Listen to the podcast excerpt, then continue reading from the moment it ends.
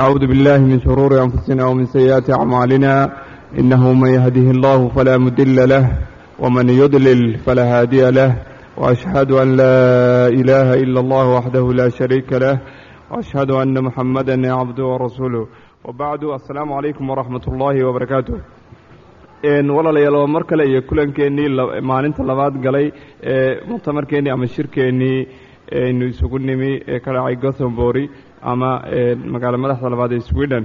Maanta muxaadaradeenna saddexaad ayaynu hadda halkan u fadhinaa waxaana muxaadirinoo ah maxamed cabdi umal. Waxaanay ku saabsan tahay muxaadarada haysaan ama jadwalkiina ku qoran ee ah al-jilbaab iyo shuruudaha uu markaasi leeyahay.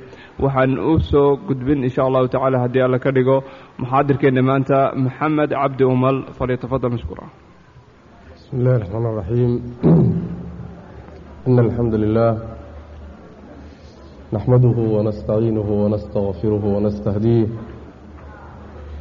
ونعوذ بالله من شرور أنفسنا ومن سيئات أعمالنا من يهده الله فلا مضل له ومن يضلل فلا هادي له وأشهد أن لا إله إلا الله وحده لا شريك له وأشهد أن محمدا عبده ورسوله يا أيها الذين آمنوا اتقوا الله حق تقاته ولا تموتن إلا وأنتم مسلمون يا أيها الناس اتقوا ربكم الذي خلقكم من نفس واحدة وخلق منها زوجها وبث منهما رجالا كثيرا ونساء واتقوا الله الذي تساءلون به والأرحام إن الله كان عليكم رقيبا أما بعد فإن أصدق الحديث كتاب الله وخير الهدي هدي محمد صلى الله عليه وسلم وشر الأمور محدثاتها وكل محدثة بدعة وكل بدعة ضلالة وكل ضلالة في النار عياذا بالله إخواني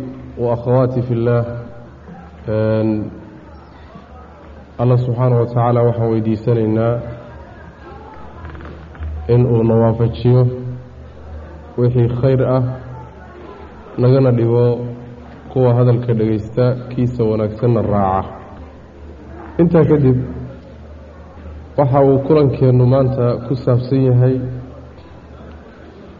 arrin muhiim ah oo loo baahan yahay oo nolosha dadka muslimiinta ah ka mid ah. Taas oo ay laga maarmaan tahay inay dadka muslimiinta guud ahaanba ay ogaadaan gaar ahaanna dadka ay gooni u khusayso in ay ogaadaan ay laga maarmaanta intaynaan gudagelin waxa aan qaraar ahaan ka dhiganaynaa inaan idin xusuusiyo islaamka ilaahi subxaanahu wa tacaala uu ina siiyey iyo diintan rabbi subxaana wa tacaala inoogu galladeeyey. Iyo qiimaha ay leedahay. Qiimaha ay leedahay. Waa shay laysa siiyo oo adduunka laysku siiyo. Kii ugu weynaa wey shay ka qaalisani ma haysanno waa raasamaal wey wax alla wixii iyada ka soo hadhoo dhan waa wada rakhiis. Laakiin iyadu waa qaali wey ilaahayna subxaana wa tacaala isagoo danteenna inaga yaqaana yuu inoo sheegay. Oo rabbi subxaana wa tacala wuxuu yihi laqad mana allahu cala almu'miniin id bacata fiihim rasuula min anfusihim yatluu calayhim aayaatih wayusakiihim wayucallimuhum alkitaaba walxikma wain kaanuu min qablu lafii dalaalin mubiin. Allah subxaana wa tacaala wuxuu mu'miniinta dushooda ku galladaystay. Waa gallad muslimiiniinta dushooda yuu rabbi subxaana wa tacaala ku galladaystay. Markii uu u soo diray rasuul ayaga ka dhashay. Jinsigooda ah ayaga ka mid ah oo aayaadka ilaahay dushooda ku akhriyaya dahiraya oo akhlaaqdooda iyo dhaqankooda iyo caqiidadooda nadiifinaya kitaabka alle iyo xikmadda oo sunnada nebiga sal lla lay wasalamna baraya isaga hortiina waxay ahaayeen kuwo lunsan oo baadiyeysan buu rabbilahi subxana wa tacaala. Marka waa nicmad weyn. Aayad kale rabbi subxaana wa tacaala waa inoo sheegayo. Yamunuuna calayka an aslamuu. Qul laa tamunuu calaya islaamakum.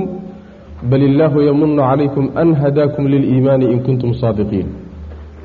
Waxay ahaayeen oo qisada ay aayaddu ku timid ay ahayd niman reebaadiye ah yaa soo islaamay markay soo islaameen bay waxoogaa waxay iska dhaadhiciyeen islaamnimada ay qaateen iyo iimaanka ay qaateen inay ugu daneeyeen nebiga salawatullahi wasalaamu calayh markaasaa rabbi subxaana wa tacaala wuxuu yidhi waxay kugu galladaysanayaan in ay soo islaameen.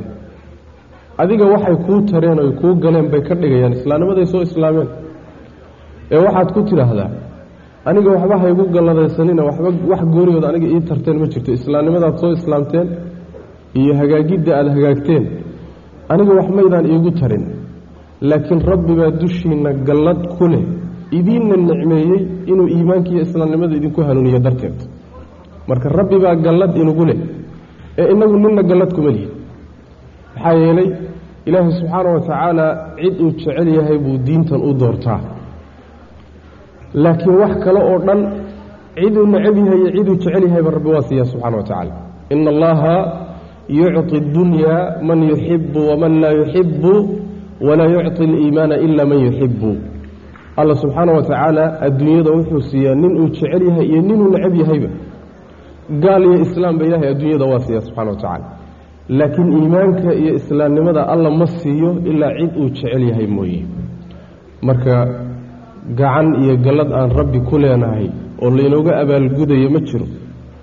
Ee waa siismo rabbi subxaana wa tacaala uu iskala keen damcay weeye alleheen markaynaan u mahad celinno oon idhaahno alxamdu lilaahi aladii hadaana lihada wamaa kunna linahtadiya lowlaa an hadaana allah waa waajib wey waxaa mahadsan allaha nagu hanuuniyey subxaana wa tacaala diinta nagu hanuuniyey. Mana aanaan hanuuneen hadduusan isaguna hanuunin lahayn malaayiin ilaahay makhluuqaadkiisa ka mid oo naga caqli badan naga khibrad badan. Yacni waxa weeyaan ayaa ilaahay subxaana wa tacaala uusan haddana yuusan siinin oo galladan iyo wanaaggan laga qadiyey. Adiga maxaa lagu siiyey marka? Waxaa lagu siiyey waa khayr ilaahay kula doonay subxana wa tacaala. Waa waxa ilaahay inala damcay inaan ku ammaanon u mahad celina waajib inugu amarka diintan marka weynanka badan ee qiimaha iyo qaayaha leh ee rabbigeen subxaana wa tacaala inoo soo dejiyey. Nebi maxamedna inoogu soo dhiibay salawatullahi wasalaamu calayh. Waxyaabo waxaa jira ay kaga gedisan tahay dhaqamada iyo diimaha kaleo dhan ay kaga gedisan tahay. Dhaqan walboo jira waxyaale ay kaga gedisantaho iyadu gooni la tahay baa jira. Oo qiimo ah waxyaalahay kala gedisan tahay waxaa ka mid a maalan diintan nolosha qaybaheeda oo dhan wax ay ka tagtay ma jiro. maadaama ilaahay soo dejiyey subxaana wa tacaala. Allaha soo dejiyeyna uu wax ka qarsoon uusan jirin. Xikmad iyo murtina rabbi subxaana wa tacaala uu ku tilmaamayo shay walba meeshiisa uu dhigo. Sidaa daraaddeed bayna diintani ka tegin qayb yar oo nolosha ka mida ilaa sharci bay u dejisay. Ilaa nidaam bay u dejisay. Ilaa way qaabaysay qaab bay u qorshaysay in ay ku socoto. Nooc walba adigu soo qaad marka. Nooc walba oo nolosha qaybaheeda ka mida ama gobol walba qayb walba oo qaybaha nolosha ka mida soo qaad. Qayb walba sharciga ilaahi subxana wa tacaala wax ku saabsan umbaad heli oo ka hadlaya macnaha taasi waxay kaga gedisan tahay mabaadi iyo afkaar kaloo fara badan bay kaga gedisan tahay. Mabaadi'da iyo afkaarta ay binu aadamku dejisteen qaybihii aakharo iyo caqiido iyo yacni iimaaniyaadka iyo ruuxda iyo waxyaalo fara badan baan ku jirinoo ka maqan. Isla markaa haddana nolosha lafteedii adduunye qaybo dhan oo ka mida ayaa ka maqan. Laakiin diintan adduun iyo aakharaba ilahay waa ku dhammaystiray subxana wa tacaala. Adduunka qaabkii loo noolaan lahaa iyo aakharo wixii wanaag lagu gaadhi lahaa intaba rabbi subxana wa tacala waa inoogu sheegay. Saas daraaddeed buu rabbi subxana wa tacala wuxuu yidhi yaa ayuha aladiina aamanuu dkhuluu fi silmi kaafa islaamnimada wadagala macnaha waxaa laga wadaa noloshaada qeyb ka mid a islaamka yayna ka baxsanaanin. Waxaan la ogolayn in aad tidhaahdo noloshayda wixii dhaqaalo ku saabsan anigu afkaar kaliya mabaadi' kaliya dhaqamo kalaan uga dambaynaya. Wixii siyaasad iyo dowlad ku saabsan nidaamyo kaliya dhaqamo kalaan uga dambaynaya wixii bulshada iyo qaab nololeedkeeda ku saabsan dhaqamo kalean uga dambaynaya.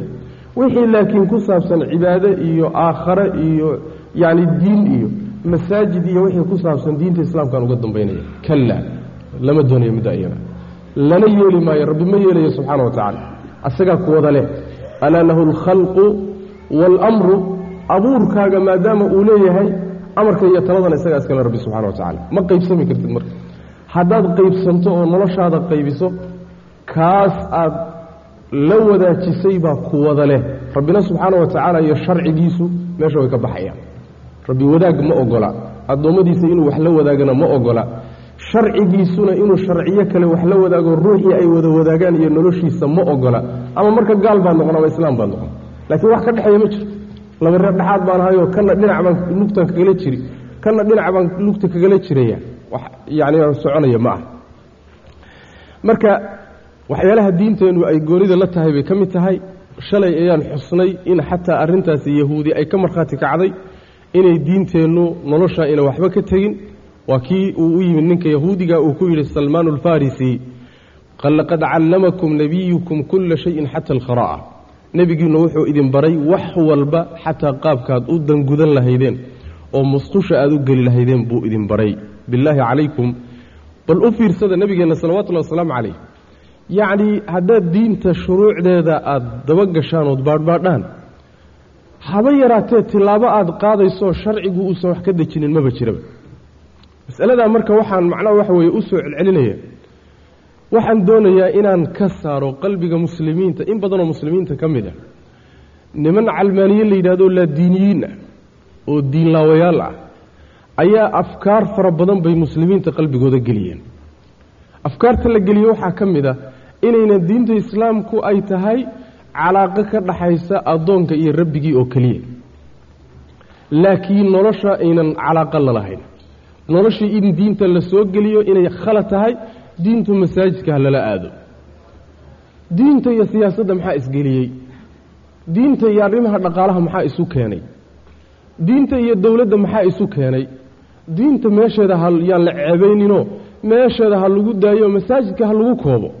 Afkaarta noocaasoo kale waa afkaar khatara wey waana afkaar ajnebi ah oo diinta ilaahi subxaana wa tacaala iyo bulshada islaamiga labadaba ajnebi ka ah wey macna. Diinta rabbi subxaana wa tacaala iyada ayaa noloshoo dhan inay maamusho u baahan oo macnaha ruuxa muslimka inuu uga dambeeyo loo baahan yahay. Waxay ka mid tahay marka waxyaalaha uu sharcigeenna iyo diinta rabbi ina siiye ay goonida la tahay waxaa ka mid a maalan altawaasun fi tashriicaat jidaynta uu sharcigeennu wax jidaynayo si isu dheelitiran buu wax u jideeyaa isu dheelitiran tashriicaadkiisu iyo axkaamtiisu way isu dheelitiranta maxaan ka wadnaa way isu dheelitiran tahay? Macnaheedu waxa weeye wixii hawl ah wixii hawl ah sharcigu wuu qaybiyo wuxuu u qoondeeyey kolba sida ay baahidu tahay masalan haddaan ka soo qaadno guriga iyo reerka waa qeyb ka mid a yacni waxa weeye bulshadii ka mida reerka iyo qoyska maadaama ay shaqo guriga gudihiisana u baahan yihiin shaqo guriga dibaddiisana ay u baahan yihiin sharcigu labadii howleed ee qoysku u baahnaaba si loo daboolo ayuu hawshii iyo shaqadii intuu qaybiyey yaa qeybna waxaa loo diray haweenayda iyo xaaska guriga iskale midna waxaa loo diray ninkiibaa loo diray. Si wixii ay isu dheeli tiraan oo baahidii reerku ay dhinacyaheedoo dhan ay u daboolanto oo isla markaasi haddana ruux walba qeybtiisa uga soo baxaa waxaa loo qeybiyey hawshiibaa loo qeybiyey waa shay marka isu dheeli tiran wey. Wuxuu islaamku isu dheeli tiray aakhiriya adduun isu dheeli tiray. Codsiga ay ruuxdu codsanaysay ay doonaysay ruuxa ka doonaysiiyo waxa deeqa ama dherjiya ama ay ku nooshahay iyo jismiga iyo jidhku wuxuu ku noolaanayo islaamku isu dheeli tiray mid walba baahidiisuu daboolay. Wax uu marka ka tegey maba jiraba. Waa wax isu dheeli tiran oo tashriicaadkiisu kulli waa isu dheeli tiran yihiin masalada marka ujeeddadeennu waxa weeye in aan muujinno islaamku shay walba oo xugum axkaamtiisa ka mida shay walba meeshii uu lahaa ee uu ku habboonaa ayuu dhigay. Shayna lamuusan seegin meeshiisa xikmad darrana kuma dhicin. Shaybana meel uu mudnaa muusan la garab marin. Shay walba wuxuu dhigay xugm walba wuxuu dhigay meeshii uu lahaa buu dhigay. Laakiin dad fara badan ayaa laga yaabaa inay garan waayaan xugumkan sharcigu uu jidaye halkan dhigay. Maxay tahay maslaxada ku jirta? Maxay tahay faa'iidada ku jirta? Maxaa ka dambeeyaoo halkan loo dhigay? Inaad fahmi weydo waa suurtagal xikmadda ku jirta. Laakiin kolleyo kolle waxaad ogaataa rabbi subxaana wa tacaala shay ma jideeyo ilaa sidaa uu u jideeyey bay maslaxadiiyo dantu ku jirta. Halkaa uu dhigay bayna ahayd meeshii ay mudnayd. Maxaa yeele isagaa inaga yaqaana rabbi subxaana wa tacala wax walba meeshuu mudnaa halkaa wey reerkii baan markaa maadaama ay muxaadaradeennu ku saabsan tahay iyo kelimadeennu iyo kulankeennu uu ku saabsan yahay gabadha muslimanta muslimadda iyo dharkeeda dharka loo baahan yahay inay qaadato islaamku maadaama uu yahay diin gudo weyn oo ballaadhan oon waxba ka tegin qaybaha uu wax ka dejiyey oo uu ka hadlay waxaa ka mida qaybta dharka.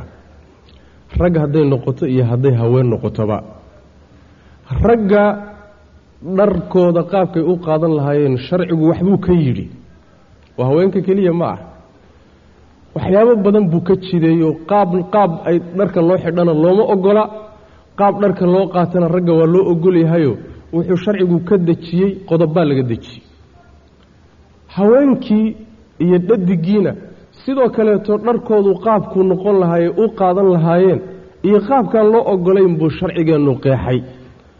Sidaa daraaddeed bay waajib ku tahay labada qaybood mid walba inuu ogaado qaabka rabbi ka doonayo subxaana wa tacaala ee uu dharka u qaadan lahaa.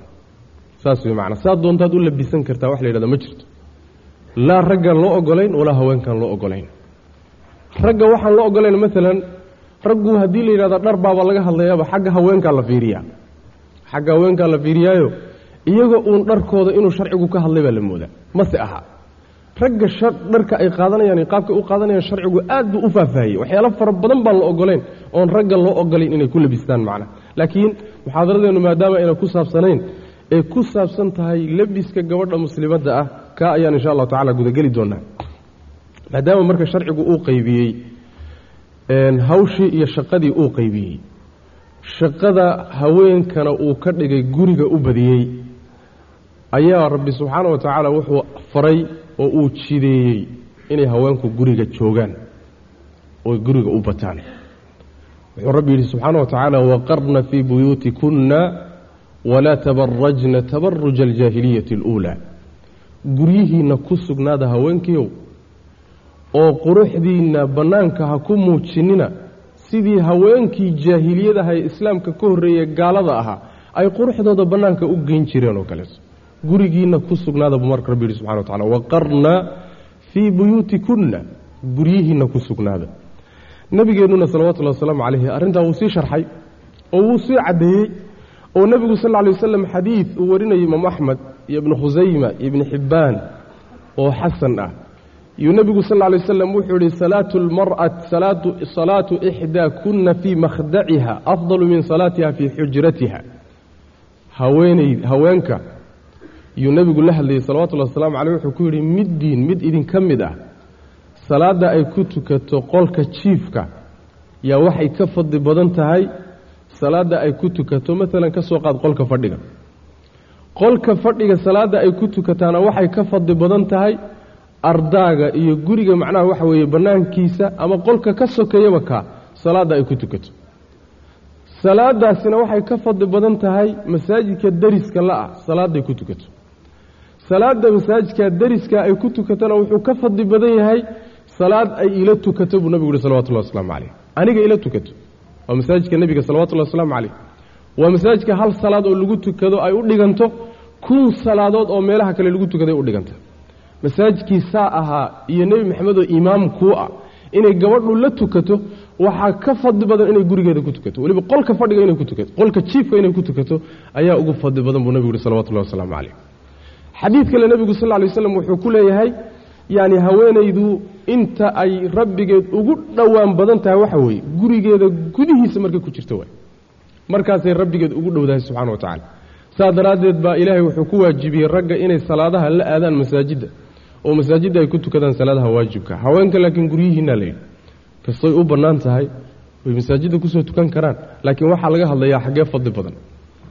Xataa cibaadaadkii guryaha u fadli badan iyaga. Masaladaasi waxay ku tusaysaa meesha rabbi u doortay subxaana wa tacaala ee u gartay haweenayda muslimadda inay tahay gurigeeda inuu yahay oo guriga maxaa lagula maagay?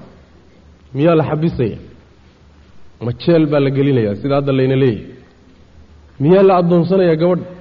Abadan. Wax addoonsaya meesha kuma jireen. Qiimo iyo qadarin daraaddeed buu rabbi saa u yeelay subxaana wa tacaala. Masaalixda iyo danahana allaa og. In badan baad intaad caqligaagi iyo naftaadi iyo shaydaan kuu sheekeeyaan oy meel dan kaa tusaan iyo maslaxo kaa tusaan yaa markaad tillaabada ugu horraysa qaataad haadaan ka dhici. Naftaadaa been kuu sheegtay. Caqligaagan iska koobanee wax qumanba aan garanaynin baa been kuu sheegay.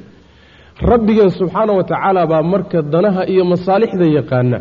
Markuu rabbigeen ka hadlayay subxaana wa tacaala jihaadka iyo jidayntiisa markuu ka hadlayay kutiba calaykum alqitaalu wahuwa kurhun lakum wacasaa an takrahuu shay-an wahuwa khayrun lakum wacasaa an tuxibuu shay-an wahuwa sharun lakum wallahu yaclamu waantum laa taclamuun dagaalka iyo jihaadka laydinku waajibiyey. Idinkoo naftiinnu ay necbaysanayso necb ma dil iyo qaxar iyo cabsi iyo carruurtii ogoomowda iyo xoolahaagii ood ka tagto ma intaasoo khatar baa loo badrheeri karaa. Waad necabtihiin laakiin rabbi wuxuu leeyahy subxaana wa tacaala inaad shay necbaataan baa laga yaabaa. Dantiinni iyo maslaxadiinnuna ku jirto. Inaad shay jeclaysataan baa laga yaaba oo naftiinnu idin jeclaysiiso dhibaatana ay idinku jirto. Oo wax maslaxatiina ayna ku jirin. Maxaa laga dambaysiiyey marka? Wallaahu yaclamu wa antum laa taclamuun. Ilaahay baa danaha iyo masaalixda yaqaanee idinku dantiinna maba taqaanaanba dantiinna ma taqaanaane dantiinna cidda idiin taqaana ma uga dambaynaysaan. Ha waa inaan uga dambayno. Ilaahay subxaana wa tacala waxba dana isagu inuguma wato. Haba yaraata ee wax yaroo ina ka soo gelaya alla subxaana wa tacaala inaynu qaadanno sharcigiisiiyo inaynu diidno. Dhibna ka soo gaarhi maayo dheefina ka soo gaarhi mayso. Waxba rabbi subxaana wa tacala marka inugu fali maayo. Intaa layna sasabahaye layna shukaaminahaye xagga laynagaga imaanaye xagga laynala hadlayo. Wax kale ma ah war dantiinna garta wey macna dantiinna garta oo rabbi baa dantiinna idiin yaqaanee sidii uu idin mariyey siduu idiin doortay. Yeela wey macna. Marka maslaxo ku jirta daraaddeed buu rabbi subxaana wa tacaala gabadha muslimadda ah guriga uu gartay. Wax badan inaynan ka garanin baa laga yaaba laakiin inaha inoo muuqda masaalixda guriga inay haweenku joogaan ku jirta waxaa ka mid a haweenkiibay haweenka laftooday raaxo u tahay. Waa nasiino oo waa raaxo ilaahayna subxaana wa tacaala isagaa abuuray haweenayda hablaha iyo gabdhaha isaga abuuray. Dhadiga isaga abuuray. Ha abuuree qaabka ay u abuuran yihiin biolojiyan iyo qaabka jidhkoodu u samaysan yahay iyo shaqada uu qaadi karo iyo shaqada uusan qaadi karinin alla isagaa yaqaano subxana wa tacaala. Saas way macnaha shay walbana wixii loogu talagalay samayska hore loo sameeyey baa loo isticmaalaa. Rabbi subxaana wa tacaala marka markuu samaynayey haweenka jidhkooda markuu samaynayey oo lafahooda samaynayey oo macnaha waxa weeyaan yacni xubnahooda samaynayey wuxuu u sameeyey oo ugu talagalay shaqo gooni. Ah shaqo gooniya ugu talagalay. Shaqadaa uu ugu talagalay waxay waafaqsan tahay oy is-ogol yihiin. Jidhka samayskiisa is ogol yihiin shaqada laakiin haddii laga bixiyo oo tii loogu talagalay inta laga saaro tu kaleeto oon looguba talagelin lala aado. Haddi markaasi waxay noqonaysaa inay isqaban waayaan shaqadii iyo jidhkii isma qabanayaan. Waa weel loogu talagalay raashiin in lagu karsado taqriiban adiguna aad doonayso inaad cabbitaan u isticmaasho macnaha. Saas way macnaha. Waa weelkaa macnaha loogu talagalay cabbitaanka loogu talagalay loo sameeyey. Markii hore la samaynayo aad adiguna ugu talagashana inaad beeraha ku falato ood geedaha ku gogoyso ma kuu qabanaya? Abadan isma qabanayso. Shayga ilaahay baa marka isugu talagalay subxana wa tacaala. Nimankan marka doonaya shaqadii rabbi isugu talagalay wuxuu isku aadiyey o isku toosiyey inay kala kharibaan oo haweenkii shaqo aan loogu talagelin inay u yeelaan doonaya waxaa habboon kuwan ilaahay baa samaysta oo qaab u samaystee kuwo kale oo iyagu intay qaab u samaystaan shaqada markaa ay ka doonayaan inay markaasi sida waafaqsan ay u abuuraan oo u sameeyaan. Waa hadday kari karaan laakiin ma awoodi karayaan. Marka yacni nasiino haweenkii la nasinayo waa ku jirtaa guriga jooga marka la leeyahay. Maxaa yeelay hawl ciidan ma qaban karaan. Hawl siyaasadeed iyo halgankeed iyo rafaadkeed iyo kallihiddeedna waa ku adagta hawl tijaari tijaaro iyo ganacsi iyo iib iyo macnaha waxa weeye tafaxaydashadeed iyo suuq orodna dhib bay ku tahay. Rabbi subxaana wa tacaala waxaasoo dhan uguma talagelin. Wuxuu ugu talagalay guriga inay joogaan. Ayaga keliya lama nasinaye raggii baa xataa la nasinaya oo ninkii markii macnaha waxa weeye gurigiisii hawshii ay loo qabanayo isaguna hawl kale uu ku maqan yahay oo gurigii oo hagaajisan oo habaysan uu u yimaado wuu nasan. Maanta daalkii uu soo daalay buu ka nasanaya laakiin waa su'aale laysla wada kallahayy oo guriga laga wada baxay yacni waxa weeye galabnimo iyadoo la daallan yahayna la soo wada noqoyey nolosha iyo raaxada meeshaa taalaayay maxay tahy bal isweydiinne markaasaa waxaa dhalanaysoo abuurmaysa in la yidhaahdo hadda noloshii gurigana ha la qaybsado. Waa dadkii waa wada tacbaan waa wada rafaadsan yihiin waa nolol kadeed awey war aduguna waxa weye kac jikada gala aniguna maryahan maydhi wey marka. Saas wey macana saasay ku imaanaysa laakiin haddii min bidaayaba sida sharcigu u qaybiyey la qaybsado hawsha qoyska la qaybsado oo ay saa u qaybsan tahay haweenaydiina shaqadeeday haysataay oo ku raaxaysanaysa oo ku qalbi degan tahay ninkuna hawshiisiibuu ku maqan yahay oo qabsanaya oo isaguna ku degan yahay macnaha waxa weeyaan qorshe ahaan ugu aaday macna. Marka taasi xikmad weyna ku jirta wey. Waxaa ka mid a xikmadda ku jirta rabbi subxaana wa tacaala jiilka koraya iyo dadka koraya iyo carruurta yaa loo danaynaya. Ummadna sideedaba dadna waa dad odoobo odayoobay oo duqoobay. Dadna waa caruurtaa kacaysa wey caruurtaa kacaysa waxay ka turjumaysaa mustaqbalka ummadday ka turjumaysa haddii tarbiyadooda iyo korintooda iyo layligooda la xumeeyo ummaddaasi mustaqbalkeedu waa mugdi. Yaa soo saara hooye unbaa soo saarta nin kastoo qiimo badan. Saas way macnaha hooyaa soo saarta saa daraaddeed waxaa la yidhahdaa idaa ra'ayta rajulan cadiiman fata'akad bianna waraa'ahu imra'atan cadiima. Haddaad aragto nin weyn oo qiimo leh oo madaxweyne ah oo caalim ah oo hogaamiye ah oo geesi ah waxaad ogaataa bilaash kuma imaanine haweenay qiimo weyn ayaa ka dambaysa. Saas way macnaha haweeney qiimo weyn ayaa soo saartay warshaddii soo saartay baa meesha jirta ciyaar kuma soo bixin. Marka jiilka kacaya iyo dadka korayana dantooda iyo maslaxadooda waxay ku jirtaa hooyo xanaanayso oo guriga u joogto akhlaaqdooda ka warhaysto koritaankooda ka warhayso xaalkooda ka warhaysa inay macnaha waxa weye meeshii joogto. Haddiise laakiin hooyadiina la kallihiyo aabbihiina la kallihiyo oo shaqo loo wada kaco ilmihiina la geeyo meel layidhahdo meelaha lagu xanaaneeyo ama meehe gurigaba inta looga tago haweenay a looga tagaayo bilaahi calaykum ilmahaasi yacni koritaankooda akhlaaqiyan mustaqbalan koritaankoodu seebuu noqon karaya yani waxa weye ma toosnaan karayo ma toosnaan karayo abadan. Marka masaalixda ku jirtay ka mid.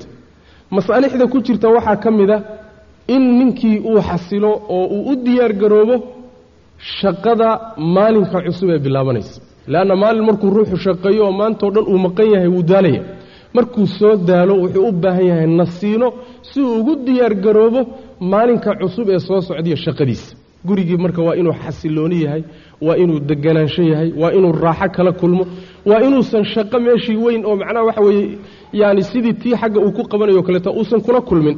Rabbi subxaana wa tacala wuxuu yidhi wamin aayaatihi an khalaqa lakum min anfusikum aswaajan litaskunuu ilayha wajacala baynakum mawaddatan waraxma allah subxaana wa tacaala aayaadkiisa waxaa ka mid a inuu naftiinna idinka abuuray haween haweenkaasoo maxaa laydinku abuuray litaskunuu ilayha inaad xasishaan ood ku degtaan ood isweheshataan ood isku xasishaan oo raaxo iyo deganaansho ay guriga jawigiisa saamayso saasuu ilahay ugu talagalay subxana wa tacala saas wey markii laakiin sharciga ilahi subxana wa tacaala la khilaafo hadde waxa weye markaas waxa weeye waxyaalahan aan ka hadlayno dhan waxay iska noqonaysaa.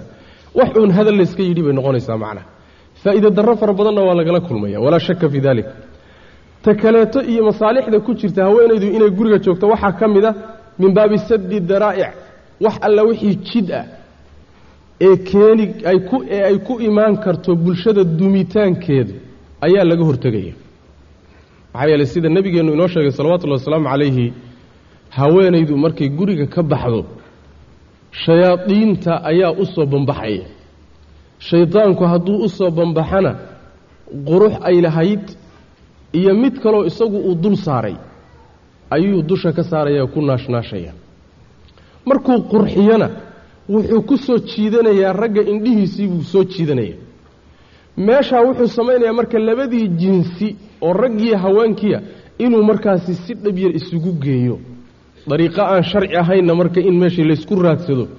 Hadday taasi dhacdo oy dhacdo in macnaha waxa weye shaydaan meeshii soo galo oo haweenaydii gurigeeda ka baxday si aan sharci ahaynna uga baxday shaydaan dabin buu ka dhiganayaa uu bulshada iyo ragga ku dabo. Bulshadaasi raggeeda hadduu shaydaan dabana waxaa iska muuqata bulshadaasi inay halaagsamayso. Waxaa fududaanaysa kulanka dhex mari kara raggiiyo haweenka waxaa fududaanaysa isdhexgalka ka imaan kara raggiiyo haweenka dhexdooda. Waxaa fududaanaysa bulshada raggeediiyo haweenkeedii wax xuduudaba inaysan u dhaxaynin oo laysugu yimaado waddooyinka laysugu yimaado baabuurta dhexeeda laysugu yimaado xafiisyada meel kasta laysugu yimaado. Miyaan isweydiinaynaa labada jinsi hadday kulmaan oy isu yimaadaan in meeshaasi liqaa iyo kulan khaasa inuu ka dhacayo? Iska caadi wey masaladaas shaydaan baa ka faa'iidaysta hadduu ka faa'iidaystana bulshada halaaggeeda iyo baabi'iddeedu kow waxa weeye waa kulanka labada jinsi dhex maraya is-araggaa is arkayaan khaas noqoshada isla khaas noqonayaan ee aan sharciyaysnaynee nidaam aan ku salaysnayn. Sharciga khilaafsan bulshada halaaggeedu kaa isagaa wey saas daraaddeed buu nabigeenu sal lay waslam wuxuu yidhi reer bani israa'iil fitnadii ugu horraysay ee ku dhacday ee halaagooda keentay haweenkay ahayd buu nebigu uhi salawatullahi waslamu calayh. Haweenkay ahayd. Hadda lafteeda waad ogsoontihiin cudurrada waaweyn ee adduunka xalka loo laayahay daawo loo laayahay waxay ka timid kulanka dhex maray dhex maraya labada jinsi ee nadaam darrada ku dhacaya saas way macnaha waaweyn ee adduunka xalba loo laayahay saasay ku yimaadeen. Nabigeennuna sal alla alay wasalam xadiid saxiixa ayaa wuxuu ku yidhi oo uu saxaabada u sheegay haddii ay zinada iyo xumaantu ay faafto ilaa ay ka muuqato bulshada dhexeeda aanba la qarsaninba ummaddaasi ilaahay wuxuu ku ibtileeyaa cudurro aan hadda ka horba adduunka ka dhicin. Saasuu nabigeennu xadiid ibnu maajah ku sugan ayuu ku yidhi ummaddaasi marka cudurrada waxa keenaya waxa weye waa kulankan aan nadaamsanayn een guurka lahayn een doonidda lahayn een dhisashada lahayn ee saaxiibta iyo saaxiibbada saas way macnaa. Ximaarun yankixu ximaaratan dameer dameer boodahayo uunay bannaanada layska helayo. Taa iyada awey waxa bulshada dumitaankeeda keenaya macnaha. Bulshada marka in la ilaaliyo oo dumitaan laga ilaaliyo oo baaba laga ilaaliyo oo ciqaab ilaahay laga ilaaliyo daraaddeed ayaa haweenka guryaha ku sugnaada loo leeyahy asbaab fara badanoo noocaasoo kalea jirta marka. Asalku marka waxa weeye haweenku inay guryaha joogaan oo hawsha guriga ay qabtaan ragguna ay hawsha dibadda ay soo qabtaan sidaasaa asal ah taa macnaheedu ma aha haweenkii inay baxaanba looma ogola inay baxaan waa loo ogolyahay oo nabigeenna salawatullahi wasalaamu caleyh xadiidka bukhaari iyo muslim ay wariyeen yuu nebigu sal lla lay slam wuxuu yidhi qad adina allahu lakunna an takhrujna lixawaa'ijikunna ilaahay wuxuu idiin idmay haweenkiiow inaad danihiinna u baxdaan buu nebigu yihi salawatullahi wasalaamu calayh. Inaad danihiinna ee guriga dibaddiisa uga baahan tihiin inaad u baxdaan rabbi waa idiin fasaxay subxaana wa tacala saasuu nebigeennu yidhi salawatullahi wasalaamu calayh laakiin waa inay dan jirto waa inay baahi jirto waa in shay kaga xidhan haweenayda ama gabadha ay jirto guriga dibaddiisa markaa waa u bixi karaysa ha u baxdee marka ay baxayso waxaa loo baahan yahay inay gabadhu ilaaliso xishmadii iyo xishoodkii iyo aadaabtii sharciga inay ilaalisaa la doonayaa markay guriga dibaddiisa ka soo danaysanayso oo maxaa ka mid a? Waxaa ka mid a xijaabka inay cawradeeda asturto. Nebigu sal lla lay waslam wuxuu yidhi ina almar'ata cawra. Haweenaydu waa cawra buu nebigu yidhi sal lla lay waslam haweenaydu waa cawra. Cawradeeda marka inay asturto oo xishood uu ka muuqdo oo xishmo ay ka muuqato oo dhowrsanaan ay ka muuqato gabadhu markay gurigeeda ka soo baxdo haweenaydu markay gurigeeda ka soo baxdo waa laga maarmaan.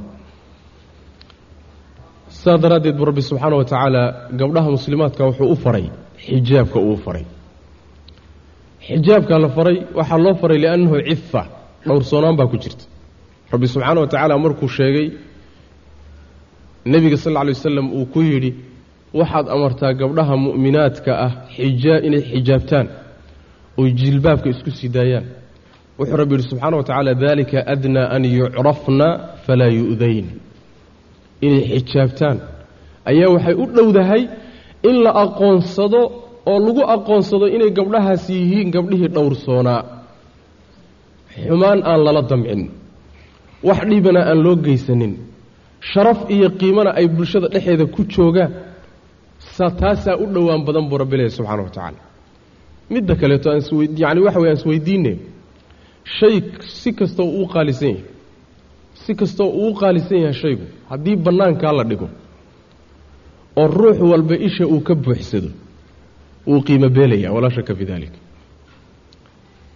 laakiin shay aan qiimoba lahayn oo waxyaalaha jira ugu qiimo daran haddii lagaa qariyo binu aadamka oo dhan oo u kala dhumanayaad arki oo nin walba hallay tusan oo u kala gabanhaya macna.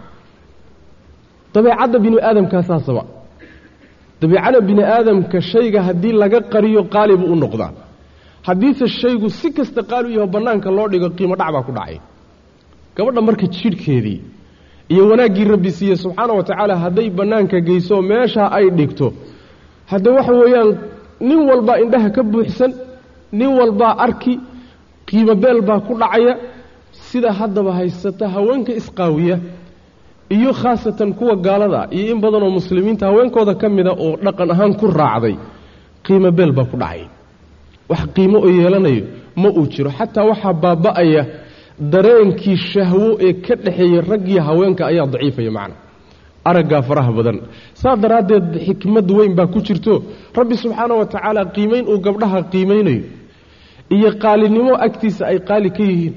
Iyo dhowrsoonaan iyo wanaag uu la jecelyahy iyo akhlaaq wanaagsanoo uu la doonayo. Iyo rabbi ugu jidaya subxaana wa tacaala oo sharciga macnaa waxa weeye uu arrintaa iyada u sameeyey. Mar hadduu arrinku sidaaya marka. Haweenay kasta oo muslimad ah oo ilaahay iyo maalinta aakhare rumaysan waxaa waajib ku ah inay allah iyo rasuulkiisa ka amar qaadato salawatullahi wasalaamu calayh.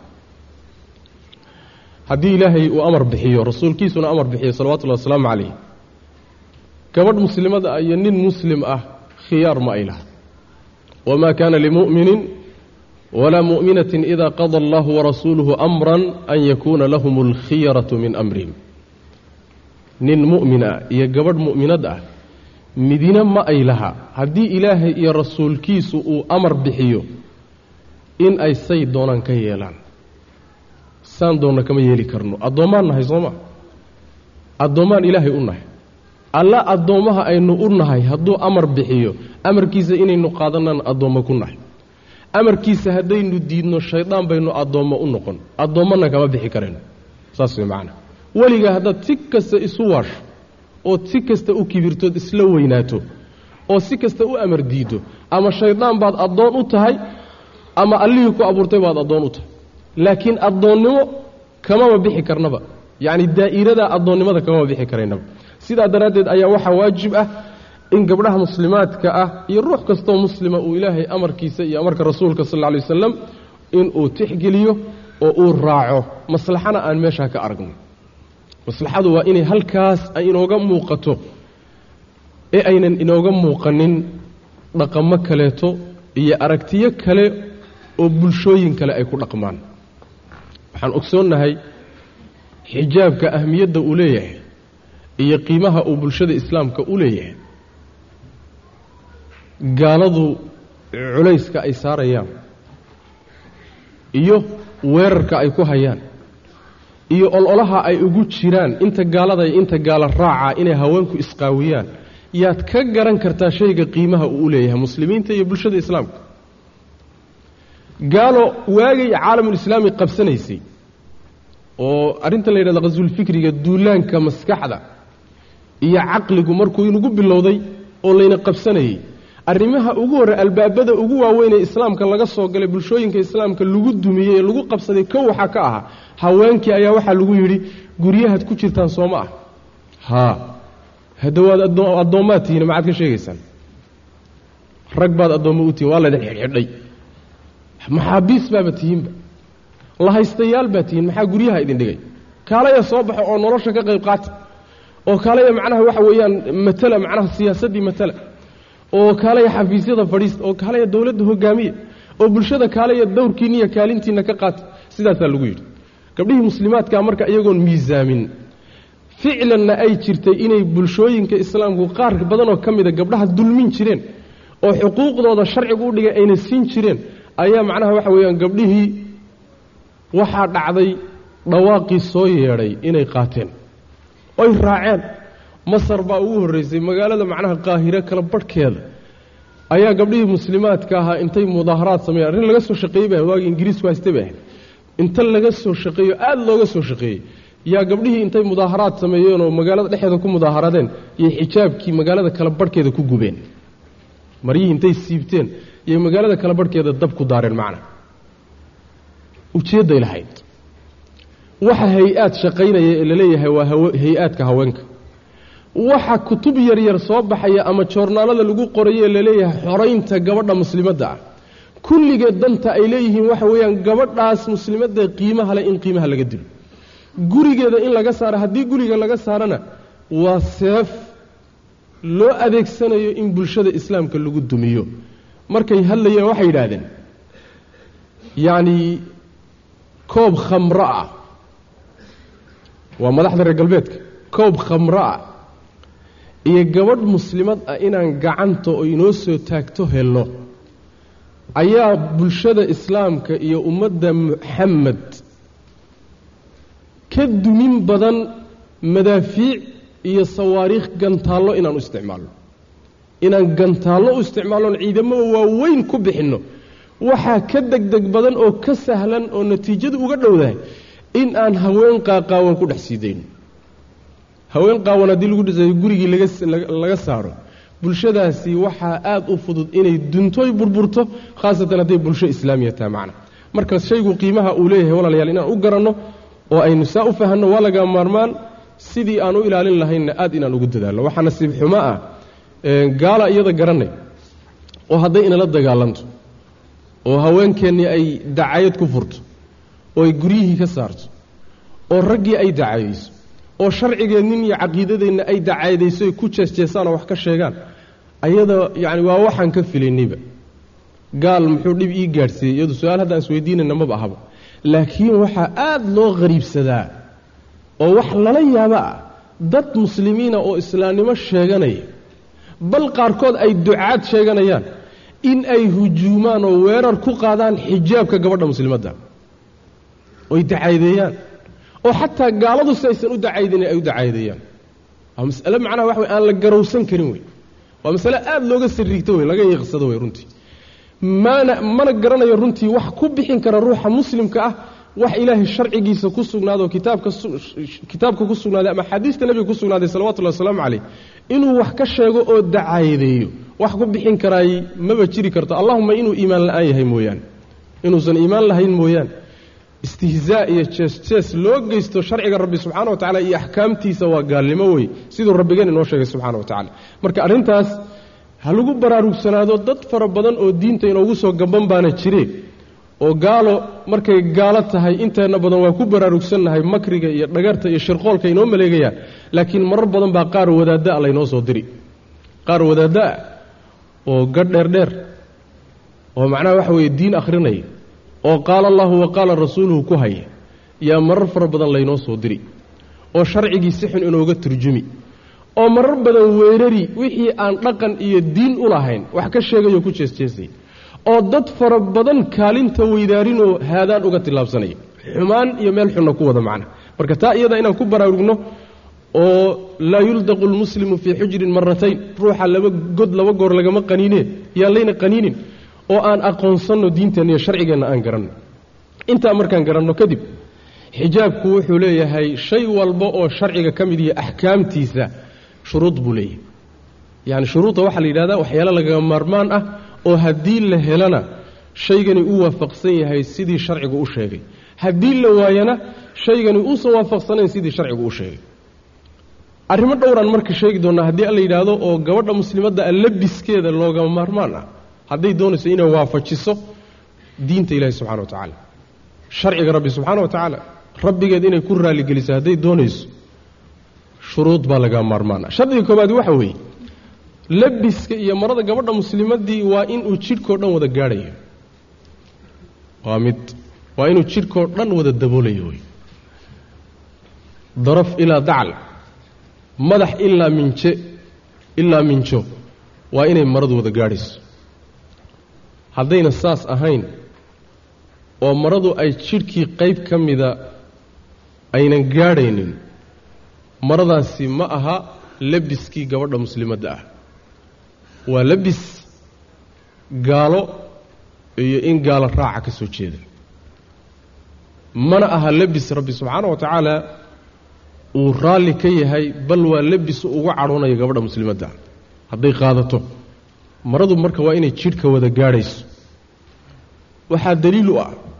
Ilaahay subxaana wa tacaala fii suurati almu'minuun markuu ka hadlayey wuxuu yidhi waqul lilmu'minaati yaqdudna min absaarihinna wayaxfadna furuujahunna walaa yub fiirada ragga ajnebiga ah ee guursan karee geya ay fiirinayaan indhaha ha ka laabeen markaasaa waxaa lagu xujiyey farjigoodana ha ilaaliyeen. Indhaha laabitaankooda laga laabo wax kastoo rabbi xarimay subxaana wa tacaala. Waxay ilaashimo u tahay iyo ood ilaalinta farjiga.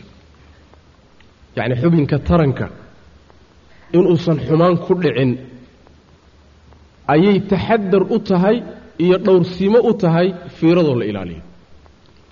Maxaa yeelay bilowga shay walba bilowgiisa xumaanta bilowgeedu fiiradaasay marka hore ka bilaabata waxaa ka la yidhaahdo? Macnaha nadratun faibtisaamatun famawcidun faliqaa'un yacni fiiray marka hore ka bilaabanaysaa labadii inay is arkaan ninkii haweenayd markay is arkaan kadibna waa laysu muusoonayaa.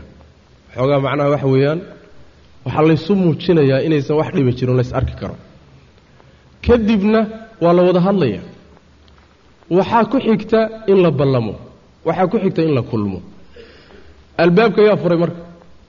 Ishaa furtay soo maa waa raa'idu zina hormuudka zinada hormuudka u ah ee hor socda ee sahanka u ah waa isha wey saas wey macnaa ishaasaa sahan. Ah meeshii iyadu ay soo sahamiso unbaa loo raaci. Laakiin iyada haddayna waxba soo sahaminin. Oo iyada la celiyoo la laabo. Hadde waxa weeyaan meelaan lagu soo sahaminin aadiba mayse saas wey macnaa marka isha ha laabeen waxaa lagu xijiyey farjigoodana ha ilaaliyeen quruxdoodana yaynan muujinin buu rabbi yidhi subxana wa tacala walaa yubdiina ziinatahunna ilaa wixii muuqda mooyaane. Wixii muuqda mooyaane waxaa laga wadaa ama waa wejiga iyo labada kaf macnaha waxa weeye labada cumaacumood waxaan u jeedaa labada macnaha waxa weeye ruskhiga ayaan dhihi laha gacanta qaybteeda hore iyo wejiga ayaa laga wadaayo taas inay asturaan waajib kuma aha. Waa sida cabdullahi bnu cabbaas iyo rag badan oo culimmada ka mid a ay ku tegayaan. Ama ma ahe waxaa laga wadaa ilaa maa dahara minha wixii iska muuqdo ynan iyagu u qastin mooyaane maalan gabadhii shaqay ku jirtaa hawl bay qabanaysaa meelo jidhkeeda ka mida muuqdo markiiba way asturtay ilaa maa dahara minha. Ama ma ahe maryihii iyadoo qabtoo xijaaban baa waxyaalo fara badan oo quruxdeeda ka mida la arki karaa. Waxaa ka mid a maalan gabadha itaalkeeda itaalkeeda waa itaalku waa quruxda qayb ka mida qoodha meesha la yidhahdo way soomaalidu ay yidhahdaan macna. Marka iyadoo maradeedii qabtaa taagnideeda ay taagan tahay baa waxaa laga garan karaa yacni waxa weeye cayilkeeda caatadeeda taagni dherarkeeda gaabnideeda baa laga garan karaa. Waana qaybo quruxda ka mid.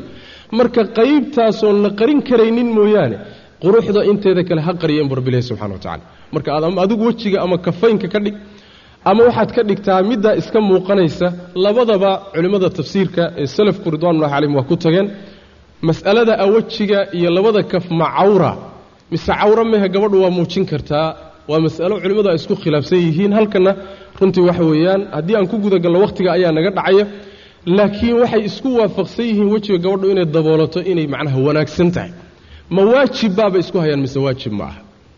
Ma waajibba mise waajib ma aha bacdu ahlilcilmi waxay leeyihiin waajib ma aha qaarna waxay leeyihiin waajib weeye taas halkaasaan kaga baxayna laakiin wixii wejiga iyo labada kaf ka soo hadhay waa cawra iyada taa layslama diidana waxaa ku tusaya ilaahi subxaana wa tacala odhahdii uu yidhi yaa ayuha annabiyu qul liaswaajika wabanaatika wanisaa'i اlmu'miniina yudniina calayhina min jalaabiibihinna dalika adnaa an yucrafna falaa yu'dayn waxaa la yidhi nebiga sal lla lay waslam nebiyow haweenkaaga iyo gabdhahaaga iyo haweenka mu'miniinta intaba waxaad ku tidhaahdaa maryaha ku sii daaya jilbaabka weyne xijaabka ah jidhkiina ku sii daaya asturka isku sii jilbaabka waxaa la yidhahdaa hiya almulaa'a alatii taltaxifu bihi almar'atu fowqa hiyaabiha cala asaxi alaqwaal.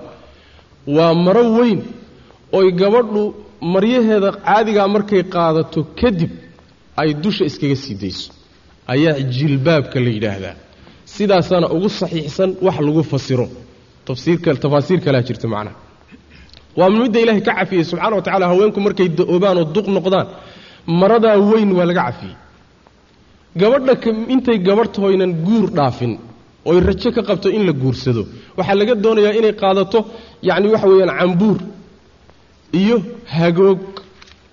Iyo hadday macnaha ku darsanayso googorad iyo wax kaleeto waxay qaadataba intaa markay qaadata kadib maro weyn oo jidhka wada dabasho waa inay ka korayso macnaha waana midda rabbi yidhi subxaana wa tacaala waalqawaacidu min annisaءi allatii laa yarjuuna nikaaxan falaysa calayhina junaaxun an yadacna hiyaabahunna hayra mutabarijaatin biziina.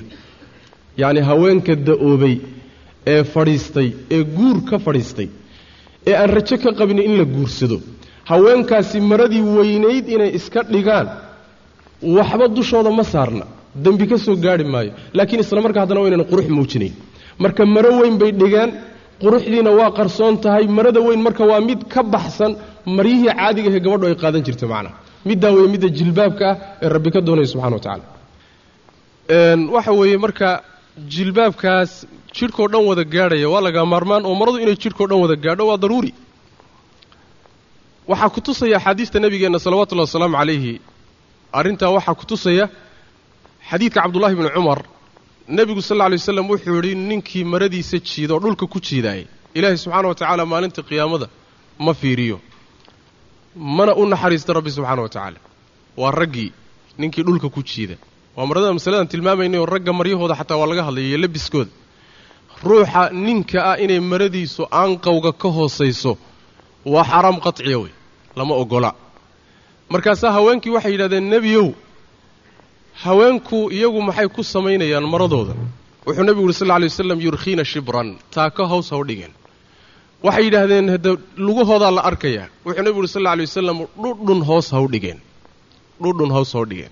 Marka waxa weeye maradii inay dhulka jiitamaysaa laga garan imaamulbayhaqi wuxuu yidhi waxay deliil u tahay gabadhu inay lugaheeda asturto inay waajib tahay. Yaa xadiiskaa loo deliishanaya. Sidaasuuna waagii saxaabada iyo salafkiiyo dadkii qiimaha lahay akhyaarta ahaa saasaa camalka iyo dhaqanka muslimiintu u ahaa. Waxaa ku tusaya ummu salama radi allahu canha ayaa haweenay baa u timid. Waxay tidhi ummu salamoy maradayda ayaan dheereeyaa. Dhulka ayaanan jiidaa. Ha ahaatee waxaan marayaa dhul wasakhaysan oo nijaasle baan maraya maxaan ku sameeyaa? Maradii mar walba ma dhaqaya. Waxay tidhi maya nebiga sal alla alay waslam wuxuu yidhi yutahiruhu maa bacduhu maa bacdahu dhulka ka dambeeya dhulkaa wasakhaysan. Dhulka ka dambeeyaa marada dhaqayaoo nadiifinaya caradaa nadiiftee ka dambaysa eed sii marayso ee kale ayaa dhaqaysa wixii nijaasee marada soo gaadhay. Sidaasii axaadiis fara badan bay nebigeenna kaga sugan tahay salawatullahi wasalaamu calayh. Sidaas wey macnaa marka waxaan la ogolayn oon xijaab sharciya noqon karaynin goonnooyinka gaagaaban ee haweenku ay qaataan. Ama maryaha hoos aan asturaynin ama kor aan asturaynin ama gacmihii qaybo ka mida ay ka muuqdaan. Maryahaasi xijaabkii sharciga ahaa ma aha. Shardiga labaad ee shuruudda xijaabka iyo labiska gabadha muslimadda yacni ka mida waxa weeye in uusan maradu lafteedu aynan qurux ahayn. Ayada lafteedu inaysan ziine iyo qurux aynan ahayn. Oo hadday macnaha dhaldhalaalayso maradu. Oo iyaduba indhaha soo jiidanayso ragga shahwadiisa kicinayso hadde waxa weeyaan wixii laga taxadarahayey baaba iyada lafteedaaba keenaysaba. Lama ogola marka iyada lafteedu waa inayna noqonin qurux iyo dhaldhalaal waa inayna yeelanin. Mara caadi ah oo labiska caadiga ahee aan ka baxsanayn macnaha waxa weeye yacni dhaqanka iyo labiska bulshada dhexeeda lagu qaata aan ka baxsanayn waxba indhaha aan soo jiidanaynin aan dhaldhalaalaynin aad aan u quruxsanayn. Mara noocaasoo kale a gabadha muslimadda inay ku baxdo. Wey allah subxaana wa tacaala waa ka odhanaya walaa tabarajna tabaruja aljaahiliyati aluulaa. Naagihii hore haweenkii hore ee jaahiliyada ahaa ee gaalada ahaa quruxdooda say u muujin jireenoo kale ha u muujinina. Ama quruxda jidhkooda saaran ha noqoto. Ama maryaha ay qabaan quruxda ka imaanaysa ha noqoto. Qurux oo dhan baan la ogolayn haweenaydu inay bannaanka ula baxdo macna. Macnaha quruxda waxaa loogu talagaloo sharcigu ugu talagalay guriga gudihiisa. Haweenaydu guriga gudihiisa ayaa quruxdeeda loogu talagalay ninkeeda hadday nin leedahay inay isu qurxiso wax alla wixii quruxa u qaadataa loogu talagalay. Hadday gabadh tahay ooy guur sugaysana wixii qurux ekeeda guriga gudihiisa ku qaadato. Laakiin bannaanka inay ula soo baxdo lama ogola. Sharciguna ma fasixin. Maxaa yeelay fitno iyo dhib weyn baa ka imaanaya ayada lafaheedana soo gaadhaya bulshadana macnaha saamayn ku yeelanaya waxaa arrinkaa kutusaya nebigeennu sal lla lay waslam xadiid fudaal ibnu cubayd baa wuxuu ku yidhi yacni saddex nebigu sal lla lay waslam wuxuu yidhi arrinkooda ha warsaninba saddex inay halaagsameen oy u dhammaatay waxba layska weydiin maayo. Ha warsanin. Saddexdaasi waxa weeye mid midka koowaadi waxa weeye waa nin muslimiinta midnimadoodii iyo madaxdoodii iyo dowladdoodii intuu ka hoos baxay mucaarad noqday oo ka hor yimid. Ninka labaadna waa ninka waalidkiisa caaqa ku ah. Ee waalidkii aan u samafalin een addeecin amarkooda kaasna ha weydiinin warkiisa ta saddexaadii waxa weeye waa haweenay ninkeedii uu ka safray oo ka maqan yahay.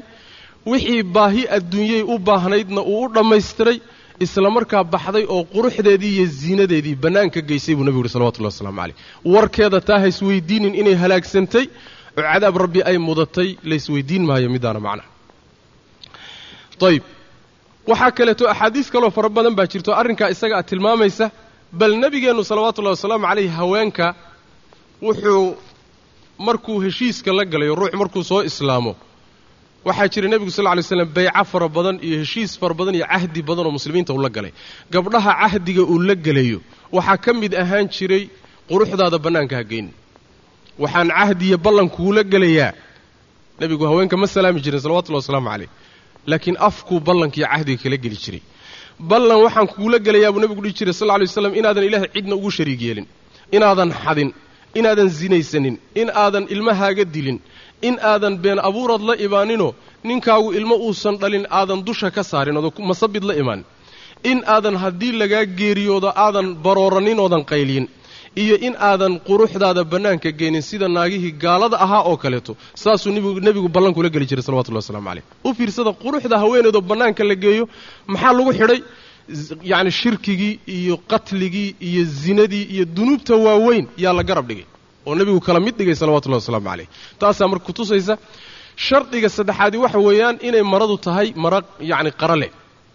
Maradu waa inay tahay maro qara leh oo adag waa inay tahay oo haweenayda maradeeda jidhkeeda aan muujinayn haddii maradu ay jidhkao dhan wada gaadhayso laakiin iyadoo qabta laga arkayo jidhkeeda laga arkayo oo jidhkii u muuqdo waxa weeyaan xijaab sharciya ma aha. Xijaab sharciya ma aha. Sida maryaha macnaha waxa weeye hadda soo baxay oo kaleeto ee aaday macnaha gabdhuhu u qaataan. Yacni beer maqariye iyo macnaha waxa weeyaan dhii jabuuti iyo.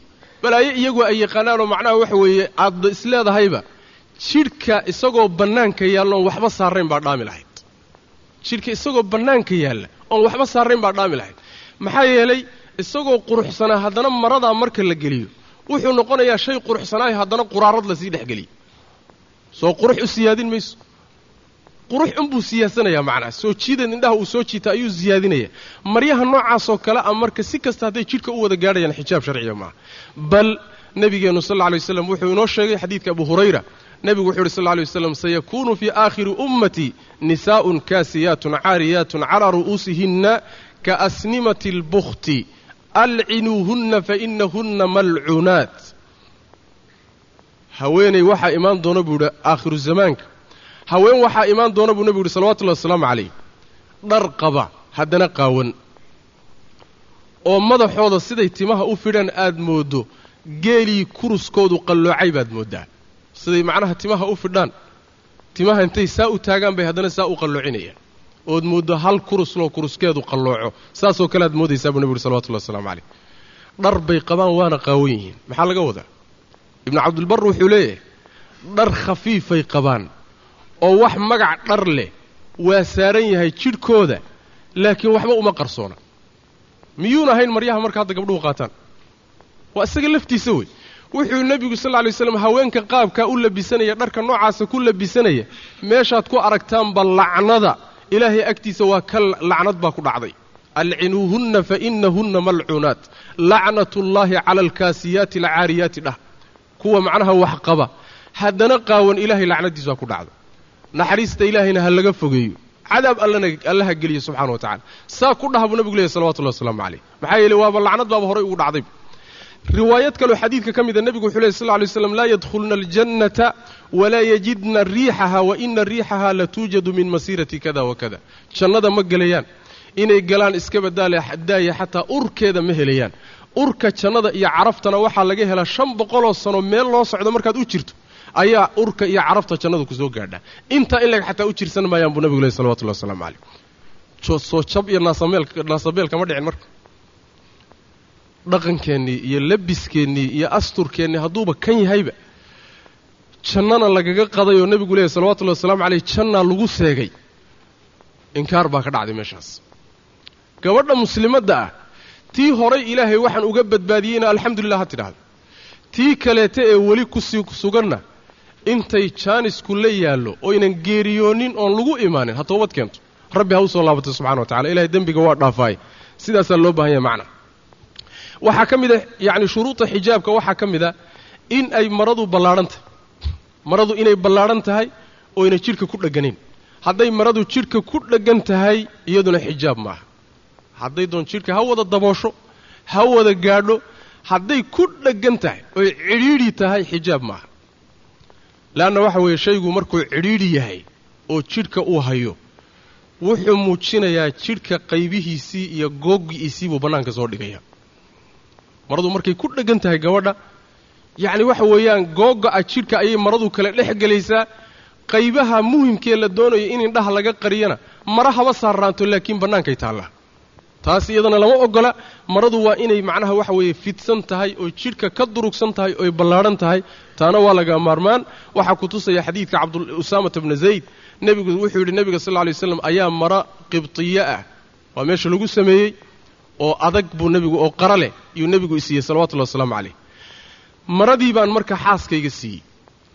Markaasaa nebigu wuxuu yihi maalin maalmaha ka mid a aaway maradii aan ku siiyey. Markaasuu yidhi xaaskaygaan siiyey wuxuu nebigu yidhi sal lla wasalam u sheeg u sheeg maradaa iyada ah maro kaleeta ha ka hoosayso kuma filla.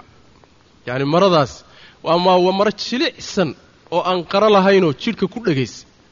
Sida hadda macnaha waxaan annagu u bixinay xagga markaan joogno xijaab xumeeye waxaan u bixinay baa jira. Xijaab ceebeeye oo hadda soo baxay oo aad miliq miliq ah. Miliq miliq ah. Waa xijaab macnaha modal ah wey oo ay gabdhuhu qaateen. Diinta macnaha waxa weeyaan isbeddelka ku sii dhacaya ayaad la yaabaysa. Qaar badan waxa weeyaan wax xijaab u eg waa wataan laakiin xijaab maaha. Maalan karin yar ood catir moodaysaa. Catirtii macnaha waxa weeye yaani haamaha lagu tirtiri jiray. Yaa meeshan tunkaa u saaran. Xijaab sharciya ma aha. Xijaab sharci ah ma aha. Waa shay uun caadada iyo dhaqanka iyo bulshada dhexeeda ay ka heshay haweenayda ama gabadhu ka heshay. Laakiin xijaabkii rabbi subxaana wa tacaala uu sheegaya ma aha. Xijaabkii rabbi ku talagalay subxaana wa tacaala ma aha. Marka waxaa loo baahan maradu inay ballaadhan tahay jidhka ka fog tahay hadday ku dheggan tahay xijaab maaha waxaa kale waxba ka midaba qaar baaba hadda waxayba leeyihiinba sarwaalkii baaba xijaab noqon karaba. Sarwaal xijaab noqday. Yaaba hadda la sheegahayaaba waxyaalaha hariibkaa bay ka mid tahay. Sarwaal iyo goonno iyo mare kugu dheggan iyo macnaha mid kor aad ka qabto toona maradu mar haddaynan kaa baxsanayn oynan kaa fogayn xijaabkii sharciga ahaa ee rabbi raalliga ka ah subxaana wa tacaala ma ay aha sidaa daraaddeed ayaa waxa laga maarmaan ah gabdhuhu inay macnaha ay rabbigood ka xishoodaan. Subxaana wa tacaala xishoodka iyo iimaanku waa la xidhiidhiyey buu nebigu uhi salawatullahi wasalaamu calayh. Haddii xishoodku meesha ka baxo iimaankiina meesha waa ka baxay. Inta ruuxu xishood leeyahayna iimaan waa leeyahay. Haddaadan xishoonayninna wax alla waxaad doon moodaad samayn. Marka waa in la xishoodo oo rabbi laga xishoodo marka koowaad. Marka labaadna waa in laga xishoodo ilaahay addoommadiisa subxana wa tacala shardiga shanaadi waxa weeye in aysan gabadha maradeedu aan la marinin waxyaalaha udga waxyaalaha udga. Sida maalan waxa weeye cadarka barfuunka bukhaarkan kadaata macnaha waxa weeyaan maaragtay lagu udgiyo ee lagu shido. Waxyaalahaasoo dhan waa in marada ay ku baxaysa ay ka ilaaliso wey. Looma ogola. Guriga gudihiisa inay ku isticmaashaa la rabaa. Guriga gudihiisa ha ku isticmaasho oo ha isku carfiso. Laakiin guriga dibaddiisa inay isku carfiso bannaanka ula baxdo sharcigeennu ma ogola. Rabbina waa diiday subxana wa tacala nebigeenna salawatullahi wasalaamu calayhi ayaa xadiid saxiix xadiid abu muusa alashcari wuxuu nebigu uhi sal lla lay slam ayuma imra'atin istactarat famarat calaa qowmin liyajiduu min riixiha fa hiya zaaniya haweenay kasta oo isa soo carfisa oo isa soo udgoonaysa oo markaa kadib baxda si dadku ay carafteediiyo udgoonkeeda u helaan waa zaaniyad buu nebigu yuhi salawatullahi wasalaamu calayh. Ciyaadan billah zaaniyaddu macnaha afka lama soo marin karee laakiin sharmuuto oo kale ay ka dhigantay soomaaliga marka la hala sharxay. Saas macnaha waa yacni meeshii ugu dambaysay wey maxay zaaniyad ku noqotay? Cala sha'ni waxay isu diyaarisay qaabkay zinadu ku dhici lahayd asbaabtii zinadu ay ku dhici lahayd bay la timid. Haweenaydaa in la dabageli mashaki baa ku jira. Ayadoo quruxsanayd oo haddana jidhkeedii bannaanka yaallo oo quruxdeed bannaanka taallo. Haddana waxa sanka lala raaco. Hadday macnaha waxa weeye ay intay soo marsato bannaanka u soo baxdo. In alle intii wax urin jirtay oo dhan baa dabageli. Saas macnaha marka waxa weeye halisteeday leedahay. Zaaniyaddu mar nebigu ku tilmaamay salawatullahi wasalaamu calayh. Waxaa kaleeto abu hurayre laga warinaya abu hurayre wuxuu warinayaa maalin maalmaha ka mid ah waxaa soo martay haweenay socoto oo aad caraf aad u udgoon baa ka soo uray yaa ka soo udgaysa. Markaasaa uu istaajiyey wuxuu uhi yaa amat allah addoontii ilaahayey ma masaajidkaad ku socotaa? Markaasay tidhi haa masaajidkaan u socdaa oo masaajidka hadda isu soo udgisay miya haa masaajidkaaban isu soo udgiyeyba markaasaa wuxuu yidhi laabo oo kac soo qabayso rasuulkaan maqlay sal alla alay wasalam oo odhanaya haweenay isa soo udgisoo masaajidka u baxda ma ay jirto oo ilaahay uu salaad kaba aqbale. Saas way macnaa salaadba laga aqbali maayo. Sidaasuu abu hurayra nabigeenna ka warinaya salawatullahi waslamu caleyh ilaa ay laabato gurigeeda ku laabato ka soo qabaysato iyadoo caadiya marka bannaanka u soo baxda macnaa maslaxada ku jirta marka horaan u soo sheegnayo wax walba oo shahwada kicin kara oo dareenka ragga kicin karaya oo soo jiidi kara inay bulshadu isku dhex qasanto zina dhacdo ayaa laga hortegayaa macnaa saas daraaddeed baa loo diidan yahay. Gabadhu in macnaha waxa weeye inay is-udgin ku baxdo macnaha ma aha in la leeyahay gudaafad noqo. Gudaafad noqo wax macnaha waxa weye qashinqub ah iska noqo. Oo ha isnadiifinin macnuhu ma aha islaamku waa nadiif nadaafaddana waa jecelyahay rabbi waa quruxsan yahay subxaana wa tacaala quruxdana waa jecelyahay laakiin macnaheedu waxa weeyaan gabadhii dharkeedii caadigeed ha qaadato wixii udgoonana gurigeeda ha ku isticmaasho. Bannaankayana ula soo bixin sidaasaa macnaha wax weye laga wadaa. Shardiga lixaadi waxa weeye in aysan shabihin oynan u ekaanin dharka ragga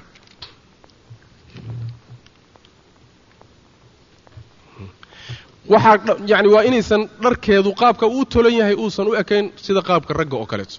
Dhar waxaa jira bulshada dhexeeda raggu xidho iyo dhar ay haweenku xidhaan.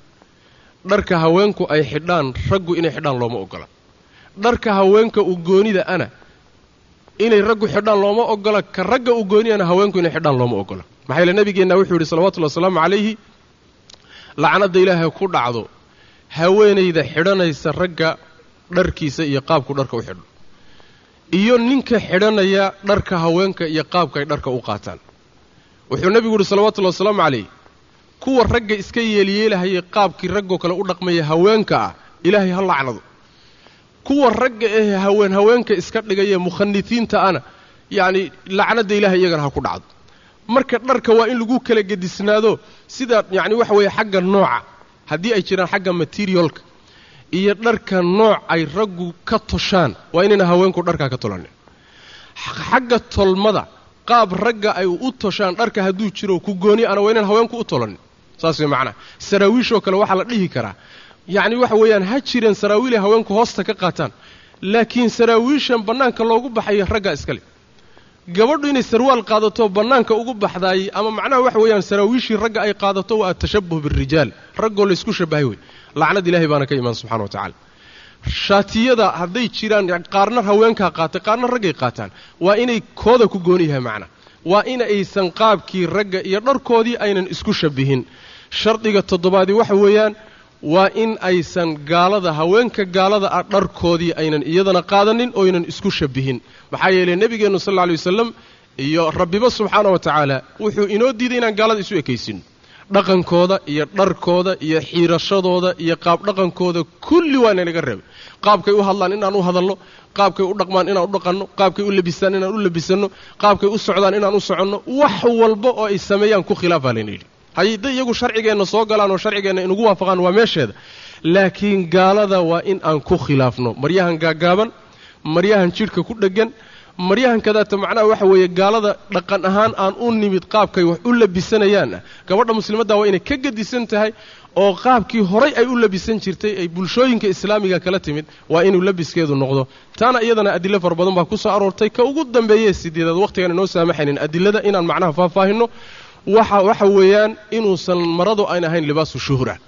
Maro caan ah oo bulshada ka dhex baxsan oo la yaqaano oo indhaha soo jiidanaysa oo la yidhahdo waa maradii hebla. Waa maradii hebla waa inaysan ahayn. Maro maryaheeda ku dhex jirta waa inay tahy maxaa yeele nebigeenna sal lay waslam ayaa wuxuu yidhi waa uu diiday arrintaa iyadoo. Nebigu sal lay waslam wuxuu yidhi ninkii maro caan oo uu ku caanbaxayo oo isku soo saarayo bulshada caan kaga noqonayo ciddii xidhata buu nebigu yidhi sal lay wasalam maro uu ku dulloobo ayaa maalinta aakhira loo xidhi buu nebigu yidhi salawatullahi waslamu caleyh rag iyo haweenba waa isku mid middan laakiin maadaama dharkii haweenka aan ka hadlaynay midda iyadaa wey intaa waxaa ii dheeran ku gebagabaynaya maro sideedaba labiska iyo xidhashada iyo dharku waa shay. Laakiin shay ha ahaadee hadduusan akhlaaq wadanin waxba ma tarayo akhlaaq qaar badan baa waxa weeye dhar qaba oo dharkii khaasatan xijaabkii hadda maalmahan dambe wuxuba iska noqdayba lebis soomaaliyeed bu iska noqday gabdhihii soomaalida waagii hore waa lagula dagaalami jiray hadda lebis maaqan rakhiisnimo iyo wax loogu xilanayo. Qaar badan baa laga yaabaa inaysan maryaha kale iibsan karin oo rakhiisnimo loogu xilan waa laga yaabaa qaar fara badan inay cifo iyo dhowrsoonaan ka raadinayaan. Qaarka ay diin ka tahay baa yar. Yaa marka waxaa loo baahan yahay gabadhu markay xijaab qabto akhlaaqdii xijaabka waa inay ka muuqato akhlaaqdii xijaabka waa ina xishoodkii waa inuu ka muuqdo. Dhowrsoonaantii waa inay ka muuqato. Waa in aynan macnaha dhacdhaceedu aynan dhacdhac yeelanin oo ayna kufkufin. Yacni kufkufka akhlaaqigaa baan ka wada yacni waxa weeye dhacdhac akhlaaqiya waa inaan yeelan gabadhu dhowrsoon tahay taasaa muhiim ah. Laakiin waxa weeye meelo xunxun iyo qaab dhaqan xun iyo qaab socod xun iyo haddii lagugu arko adoo xijaab qaba. Xijaabka sharaftiisa baad marka ku ciyaaraysa.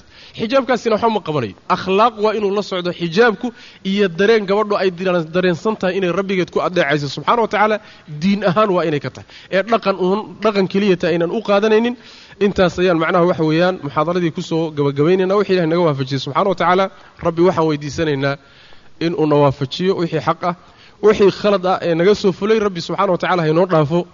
Wax alla wixii sawaabana alla subxaana wa tacaala isaga ayaana waafajiyan uga mahad celinaynaa abaalgudkiisana rabbi baan weydiisanaynaa. Hada billahi towfiiq sala allahuma waslama calaa nabiyina muxamedi wcala alihi wasaxbi waslem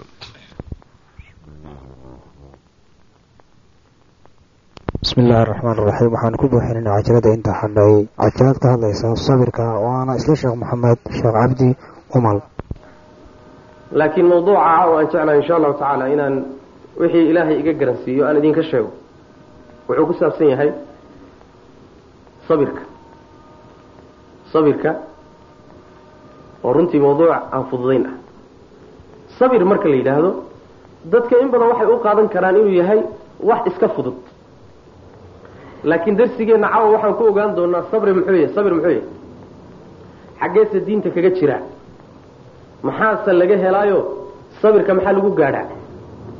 Muxuuse sabirku shuruud leeyahay? Dadkuse intay u qaybsamaan. Sabirka markii la yidhaahdo dadku intee bay u kala baxayaan. Arrimahaasoo dhan waa arrimo aan ku qaadan doono darsigeenna caawa insha allahu tacala mid waynu ognahay oo waan la wada soconnaa saan filayo. Waxay tahay alla subxaana wa tacaala adduunkan wuxuu inoo keenay in layna imtixaano. Khalaqa almowta waalxayaata liyabluwakum ayukum axsanu camala. Alla subxaana wa tacala wuxuu yidhi wuxuu abuuray nolosha iyo geerida si uu idiin imtixaano oo loo ogaado kiina camalka fiican iyo midkiina camalka xun si aad u kala baxdaan. Macnaheedu waxa weeye yacni adduunka waxaa laynoo keenay oo kitaab laynoogu soo dejiyey oo rasuul laynoogu soo diray oo shaydaan loo abuuray oo nafta laynoo geliyey imtixaanka wax kale ma ah. Waxaa la doonayaa in layna tijaabiyo bal layna fiiriyo. Inaynu ilaahay u xilanno subxaana wa tacaala iyo wixii raalli gelinaya iyo inaynu u xilanno nafteenna iyo shaydaan waxa ay doonayaan labadaasaa layna kala tijaabinaya. Liyabluwakum ayukum axsanu camala. Waa laydin fiirinaya waa laydin tijaabinaya kiina camal wanaagsan baa alla subxaana wa tacaala doonaya inuu banaanka u soo baxo la arko. Oo ilaahay ma oga miya markii laydin tijaabinayo oo laydin fiirinayo oo laydin imtixaanayo ilan imtixaanku wuxuu u dhacaa natiijo qarsoon inay soo baxdo sooma a yacni ardaygani aqoon ma leeyahay oo duruustuu qaatay ma garanaya mise ma garanayo oo dadku markaa ayna garanaynin oo ka qarsoon buu imtixaanku soo saaraa. Marka ilaahay miyay ka qarsoon tahay? Addoonkan waxa uu samaynayo iyo inuu xun yahay iyo inuu fiicnaan doono iyo inuu camal xun la imaan iyo mid xun la mid fiican la imaan iyo inuu naar geli iyo inuu janno geli ma ilahay bay ka qarsoon tahay subxana wa tacala oo imtixaankaa wax u faa'iideynaya alle maya kala ilahay waxba u faa'ideynaya subxana wa tacala horay buu ilaahay u ogyahay maqaadiirta iyo waxa dhici doona iyo wax walba siduu noqon doono horay buu ilahay ogaa subxana wa tacala laakiin ujeeddada imtixaanka laga leeyahay waxa weeye in bini aadamkan berrito ilaahay hortiisa markuu tago dembiyadii uu galayna lagu qabsado wuu doodi doonaa wuxuu dhihi doonaa ma gelin. War malaaigtii waad kaa soo qortay waat diiwaankana lagaa soo qoray. Maya ee ma ogoli. Meesha waxaa jooga macnaha dhulkiibaa joogahay oo dhanna ma qorsani. Ujeeddada marka alla subxaana wa tacaala uu addoommada u imtixaanayo camalkoodana banaanka la doonayo in loo soo saaro waxaa la rabaa berrita in lagu markhaati kaco. Berrita he in lagu markhaati kaco. Oo dadka mu'miniinta ee dhulka dushiisa tooga waa markhaatiyadii ilaah siduu nabigu noo sheegay sal ly slam antum shuhadaau llahi fi lardi bu nabig sal slam markhaatiyadii ilaahay dhulka joogay baa tihiin ninka xun ee faasiqa ee gaalka ee munaafiqa ee dembiilaha ee waxba u aba yeelin yacni waxa weeyaan dad badan baa ka warhaya sooma kuwaasaa berrita markhaati ku noqon doona imtixaankii la imtixaanay natiijadii ka soo baxday faa'iidadeedu noqotay oo yidhaahda ilaahu annagaa ogeyn inuu salaada ka tegey ilaahu annagaa ogeyn inuu ribada cuni jiray oo macnaha wax khamrada cabi jiray. Ilaahu annagaa ogeyn inuu mushrigaayo ilaahay uu qeyrkii caabudi jiray. Ilaahu annagaa ogeyn anag dad saasaa la doonaya in la helo macnaha oo berrita wuxuu ku doodo uusan helin isagoo qanacsan markaa in la cadaabo walciyaadu billah marka xikmad weyn baa ku jirta. Imtixaankaa lays imtixaanayo ayaa marka waxa lagaga guulaysan karaa wuxuu yahay oo lagaga baasi karo waa sabirka. Imtixaanka waxaa lagaga baasaa maadada la yidhaahdo sabirka la yidhahdo sabirka waxaa la yidhaahdaa oo culimadu ku qeexaan luuqa ahaan waxaa la yidhahdaa xabsu nafsi baa la yidhahdaa nafs nafta oo la xidho nafta oo la celiyo waxay doonaysa laga celiyo. Sharci ahaanna waxaa loo yaqaana oo sharcigu sabir u yaqaana xabsu nafsi calaa taacati illaah wa calaa qada'i illahi wa qadarihi wa can macaasi illahi ibtiqaa'a wajhi illah waxaa la yidhaahdaa nafta oo la celiyo oo lagu celiyo ilaahay daacadiisa oo lagu celiyo wixii ilaahay uu qadaray oo musiibo oo ku yimaada oo laga celiyo waxii dembiya ilahay uusan raalli ka ahay subxana wa tacala iyadoo ilaahay dartiina loo samaynayo. Halkaa maxaa inooga soo baxay? Sabirku inuu imse qaybood yahay? Saddex qaybood inuu yahay baa inooga soo baxay. Qaybta koobaadi waxa weeyaan alsabru calaa taacati illah ilaahay daacadiisa subxaana wa tacaala in lagu sabro oo macnaheedu uu yahay yacni waxyaabaha ilaahay kuu dhoweynaya oo salaadu ay ka mid tahay oo soonku ka mid yahay oo sakadu ay ka mid tahay oo xajku uu ka mid yahay oo uu ka mid yahay jihaadku ka mid yahay oo xoolahaaga inaad bixiso uu ka mid yahay waxyaabaha ilaahay aada naxariistiisa ku helaysa ee janno ku gaadhsiinayahay waxay u baahan tahay inaad naftii ku qasabto. Leanna nafta bini aadamku waa diidaysaa. Wixii waxaa ku jira nooc mashaqaa baa ku jira. Xoogaa dhib baa ku yari jira. Ha yacni soo soo qabayso oo soo weysayso oo waktigaas yani saacad heble iyo daqiiqad heble masaajidka imow oo muddada iyada ha hadlin oo hadhina yani ha dhaqdhaqaaqin oo sidaas macnaha waxa weye u istaag yani waxoogaa bini aadamka naftiisu way yaro kaanaysaa way yaro dhibsanaysaa. Laakiin maxaa la doonayaa? In lagu celiyo. Waxaa la doonayaa in lagu qasbisanta lagu sanduleeyo nafta lagu sanduleeyo. Haddii aan lagu qasbin naftu waa ka boodaysa marka daacada ilahay in lagu sabro oo uu ruuxu naftiisa la dagaalamo kula dagaalamo ilahay daacadii siduu u gudan lahaa subxana wa tacala cadowgiisa muuqda iyo midka qarsoonna inuu la dagaalamo uu kula dagaalamo sidii ayna u seejin lahayn ilahay daacadiisa subxana wa tacala cadowga muuqda waa cadowga insiga ah. Saaxiibka xunkaa waa cadow. Saaxiibka xun ee aada saaxiibka tihiin ee ilaahay kaa fogeynaya waa cadow. Waa cadow muuqda wey saaxiibka qarsoonna waa shaydaan. Iyo naftaadoo kugu jirta. Oo labadooduba ka shaqaynahayaan wixii ilaahay wanaagiisa iyo naxariistiisa aada ku gaari lahayd inaadan samaynin.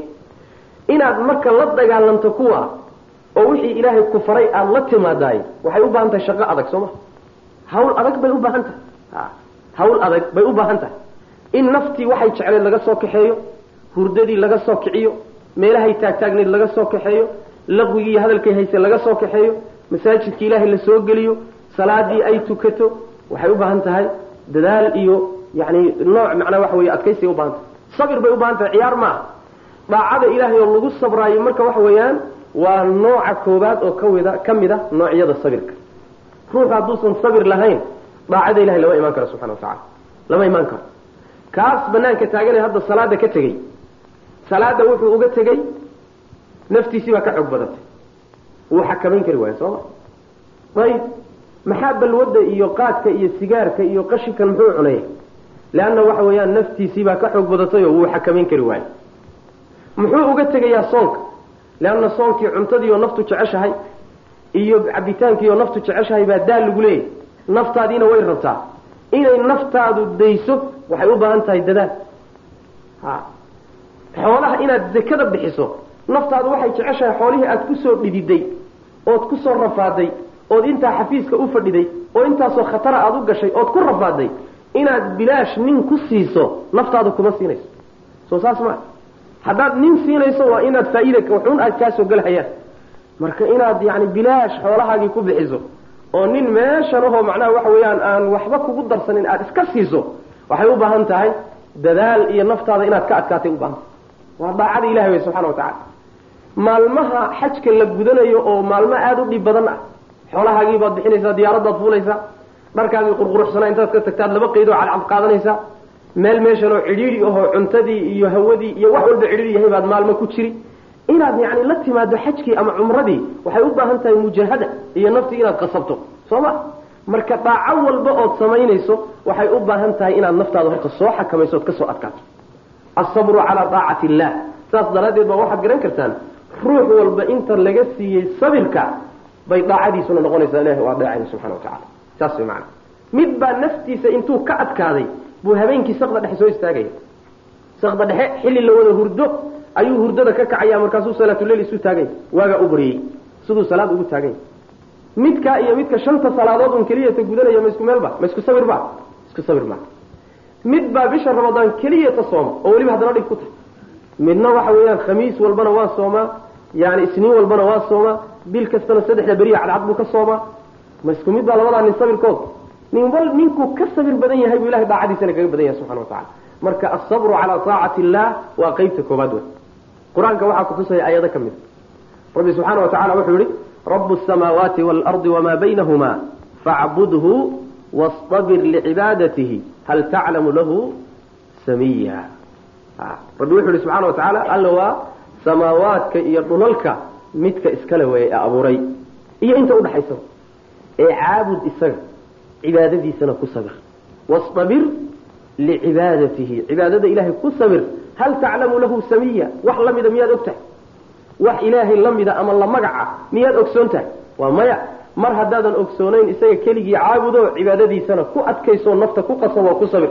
Saas way macana ku xabis naftaada cibaadada ilahi subxana wa tacala waamur ahlaka bisalaati wastabir calayha ha ehelkaaga iyo reerkaaga waxaad fartaa salaada kuna sabiroo ku adkaysta bu rabbi qur'aan ku lehy subxana wa tacala waxaa ka mid ah aayadaha kutusaya falama balaga macahu sacya qaala ya bunaya inii araa fi lmanaami anii adbaxuka fandur maada tara. Qaala ya abati ifcal maa tu'maru satajidunii in shaa allahu min asaabiriin nabiyullaahi ibraahim calayhi salaam calayhi wacalaa nabiyina asalaatu wasalaam ayaa wuxuu ku riyooday isagoo wiilkiisa ismaaciila gowracaya. Nebiyaduna riyadoodu waa xaq wixii ay ku riyoodaan iyo wixii xagga ilaahay uga yimaado malakul jibriil u keeno waa isku mid.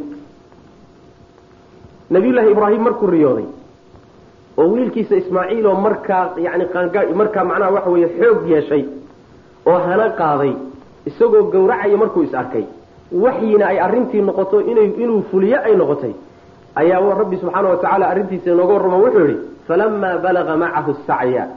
Markuu gaadhay wiilkiisii xilligii xoogga iyo socodka iyo shaqogal markuu noqday ayaa wuxuu yidhi wiilkaygiiow waxaan arkay oon hurdada ku arkay anoo ku gowracaya ee maxaa kula quman?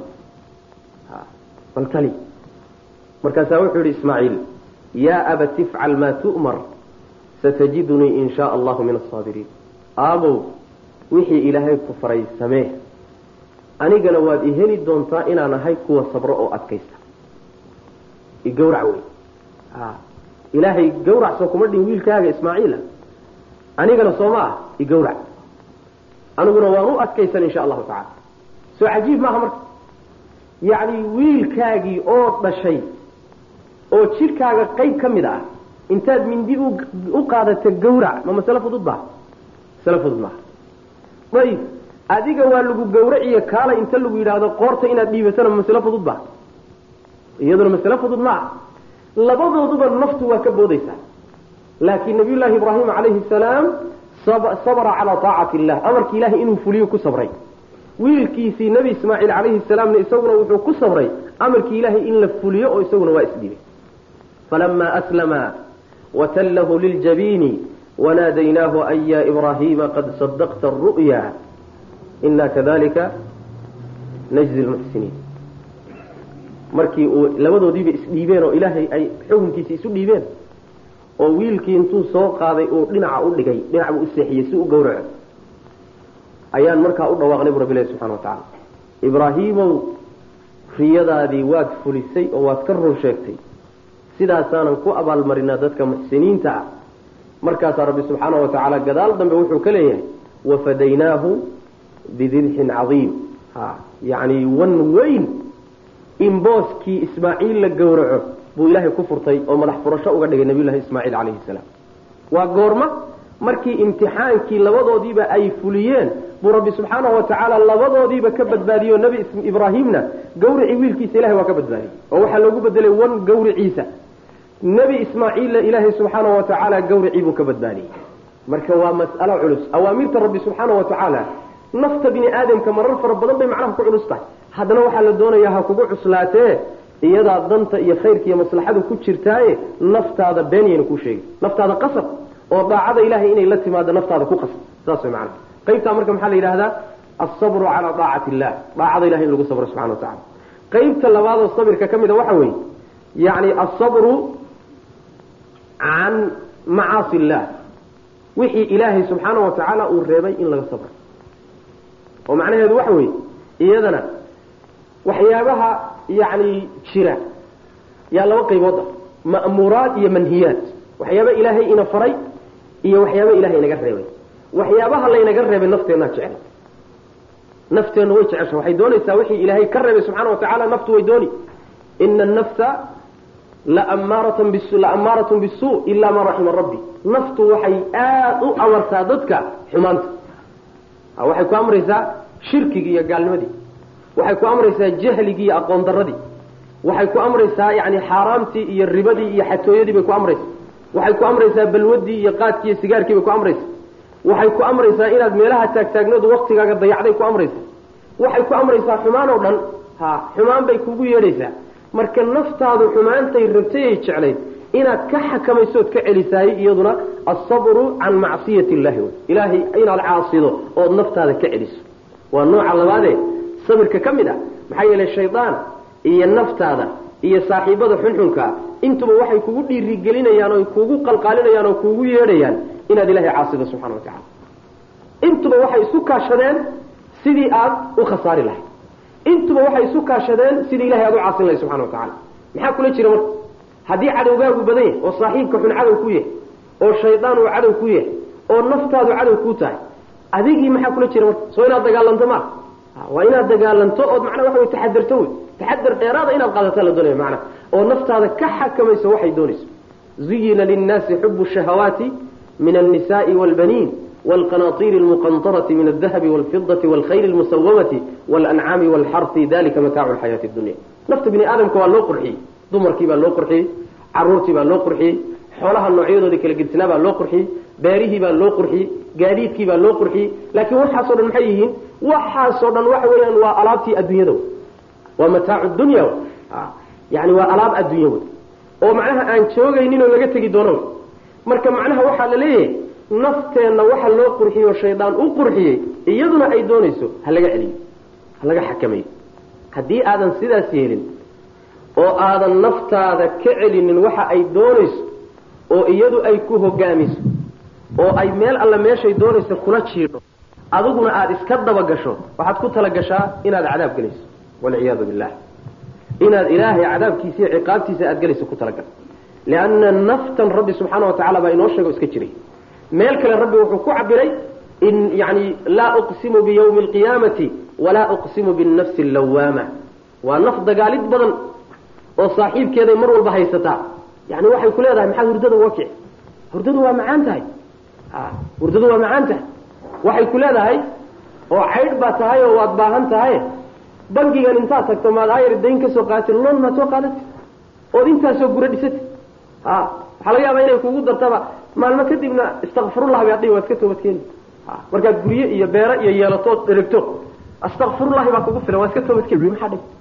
Naftaadu istani ku dhihi oo waxay kugu yeedhaysaa xumaantii bay kuu qurxin oo waxay kuu qurxinaysaa inaad dadka wax ka sheegto. Xantii bay kuu qurxinaysaa oo waxay kuu qurxinaysaa inaad dadka xoolahoodii boobto oo khayaanada iyo dhiciba iyo bililqadi bililqadi bay kugu qurxin. Waxaasoo dhan baa la doonaya marka naftaada inaad ka xakamayso ood ka celiso alsabru can macsiyati illah waana arrin aada u adag wey saas daraaddeed baa wuxuu leeyahay sheekhu islaam ibnu taymiya caleyhi raxmat ullah salafka culimadiisa qaar ka mid ah waxay yidhahdeen acmaalu lbiri yafcaluha albaru waalfaajiru walaa yaqdiru cala tarki almacaasi ila sidiiq acmaasha wan wanaagsan ee daacada ah waxaa sameeya nin faajir ah oo xun iyo nin wanaagsanba waa sameeya laakiin wixii ilaahay uu necbaa ee dunuubta ahaa in laga tago waxaa awoodi kara uun